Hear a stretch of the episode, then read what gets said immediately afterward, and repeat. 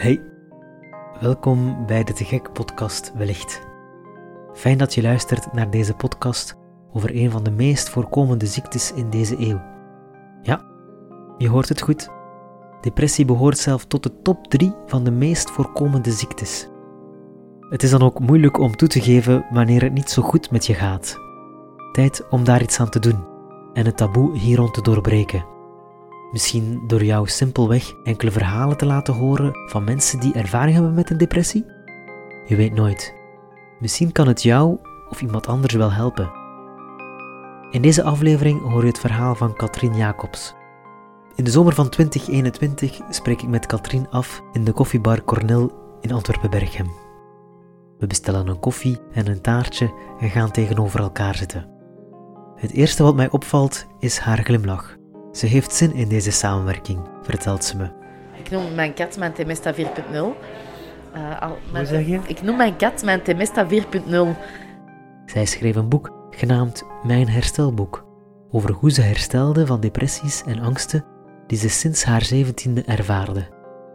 Een depressie voelt eigenlijk heel, heel beangstigend aan. Dat kan voor andere personen heel anders zijn, maar bij mij uitzicht dat vooral in een heel angstig eh, denkpatroon. Maar ook, eh, dat kenmerkt je vooral door gewoon van, hier raak ik nooit door, hier raak ik nooit meer uit.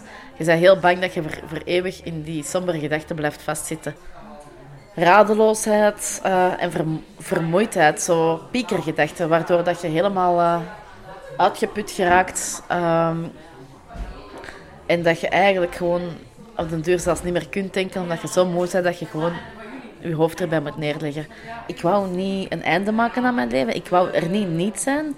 Ik wou er juist wel zijn. Ik wou gewoon dat mijn leven anders verliep. Dus ik, ik, ik was de hoop precies wat kwijt. En tegelijkertijd was er toch altijd dat sprankeltje.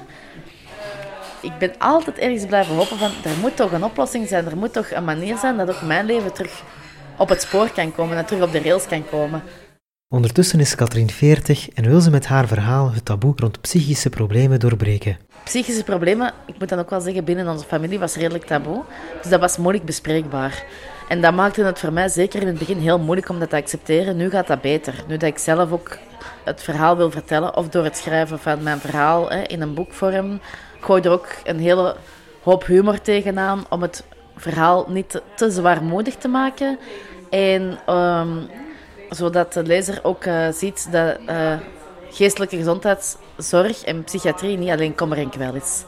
In mijn herstelboek schrijft Katrien dus met een vleugje humor over de worsteling met zichzelf en vertelt ze wie en wat haar daarbij heeft geholpen. Van haar puberteit tot het laatste moment. Door ook twee jaar geleden tegen een soort van burn-out, depressie aan te lopen. Dat is eigenlijk mijn laatste keer dat ik echt eh, lam geslagen ben geweest door angstgevoelens, verdriet, hopeloosheid ehm, en vooral vermoeidheid. Ehm, het is een combinatie van net geen volwaardige burn-out en net geen volwaardige depressie. Maar dat vloeit in elkaar over. En ehm, nu ben ik al wel een tijdje vrij van depressie. Maar dat is een gevoeligheid dat levenslang blijft. Eh, herstel is niet gelijk aan genezen, dat zeg ik ook altijd. Ik ben zeker nog niet volledig hersteld. Ik moet nog altijd rekening houden met het feit dat ik eh, zeer gevoelig ben eh, voor bepaalde stressfactoren. En als er te veel ja, ik spreek soms over pijlers. Je hebt hè, woonst, werk, eh, vrije tijd, vrienden. Als daar een aantal zaken niet goed lopen, ja, dan zakt uw kaartenhuisje als het ware in elkaar. Ik moet daar levenslang rekening mee houden. Ik neem nu ook helaas medicatie. Ik zeg helaas, ik had het liever anders gewild, maar het helpt mij wel om als ondersteuning. Dus ik heb er ook wel vrede mee. Het is zo... Het is niet alleen de medicatie hoor, het is ook therapie, het is ook gesprekken, het is ook bepaalde hulpverleners. En het schrijven dus ook weer van dat boek dat ervoor gezorgd hebben dat er eh, wel een zeker groeiproces is geweest.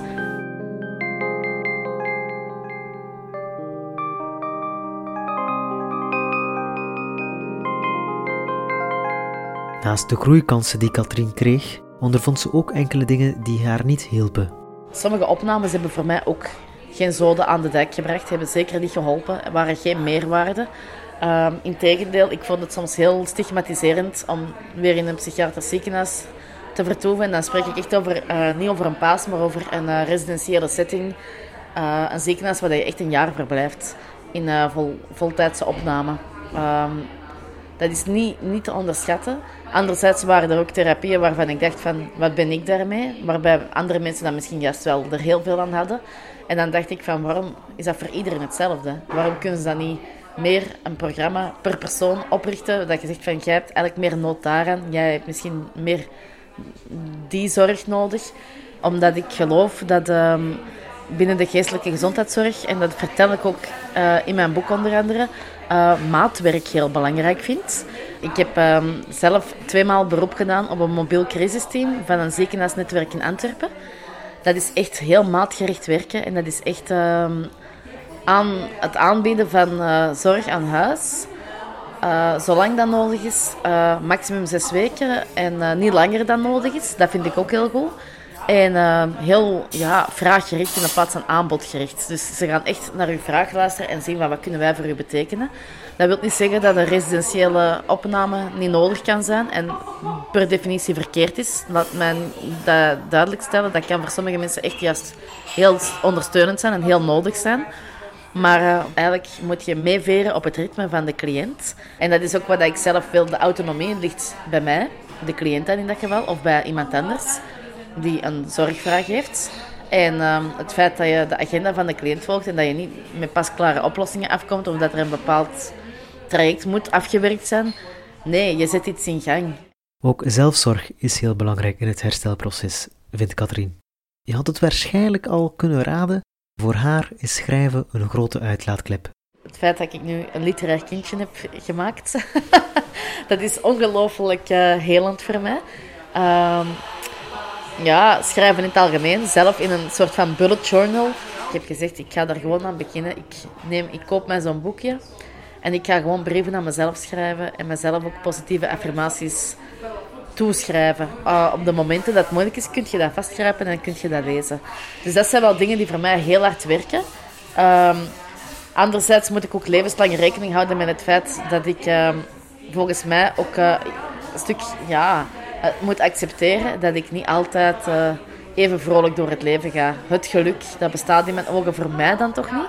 Wat, wat is het geluk dan ook? Daar kun je over filosoferen. Maar ik moet er rekening mee houden dat mijn, mijn bestaan al heel bevredigend is als ik goede en slechte dagen heb. En dat ik dat gewoon accepteer, dat, dat, de, dat de slechte dagen ook weer overgaan en dat er dan weer goede volgen. En het, gewoon, het feit, het besef dat dat er is en uh, dat ik gewoon ruimte maak voor kleine dingen, zoals mijn kat, uh, omdat uh, ik noem mijn kat mijn Temesta 4.0. Uh, Hoe zeg je? Ik noem mijn kat mijn Temesta 4.0. Uh, dat is een calmant eigenlijk, of een kalmerend medicijn. Uh, maar dan in zo'n hoge gradatie. Omdat mijn kat moet daar niks voor doen. Dat is beter dan elke vorm van medicatie. Dat is gewoon, die komt op mij liggen en ik word gelijk vanzelf ook rustig. Ook als ik paniekaanvallen heb of angstaanvallen. Dan pak ik die met mij en dan, dan keert dat ook heel snel. Dus uh, ja, dat is ook heel waardevol. En zo moet je voor jezelf zoeken wat, dat, wat voor jou waardevol kan zijn. Dat wil ik wel meegeven. Naast zelfzorg heeft ook de omgeving een grote impact op het herstel. Mensen die mij in mijn kracht zetten en die zeiden van zien we dat wel mogelijk was en dat mij daarop aanspreken. Dus van zodra dat hulpverleners dat ook deden, om mij aan te spreken op wat ik wel kon en waar ik wel sterk in was, ben ik ook terug als mens gegroeid. En uh, ben ik terug meer en meer gaan geloven in mijn eigen mogelijkheden en verdwijnt als het ware het negatieve stemmetje in je hoofd op het achterplan. En dus ook de bijbehorende negatieve spiraal van gevoelens en gedachten, uh, die verdwijnen ook op het achterplan. Ja, mensen die in u geloven en mensen die, die, die er voor u zijn, ook al is dat in frequentie niet zo vaak, dat heb je echt nodig.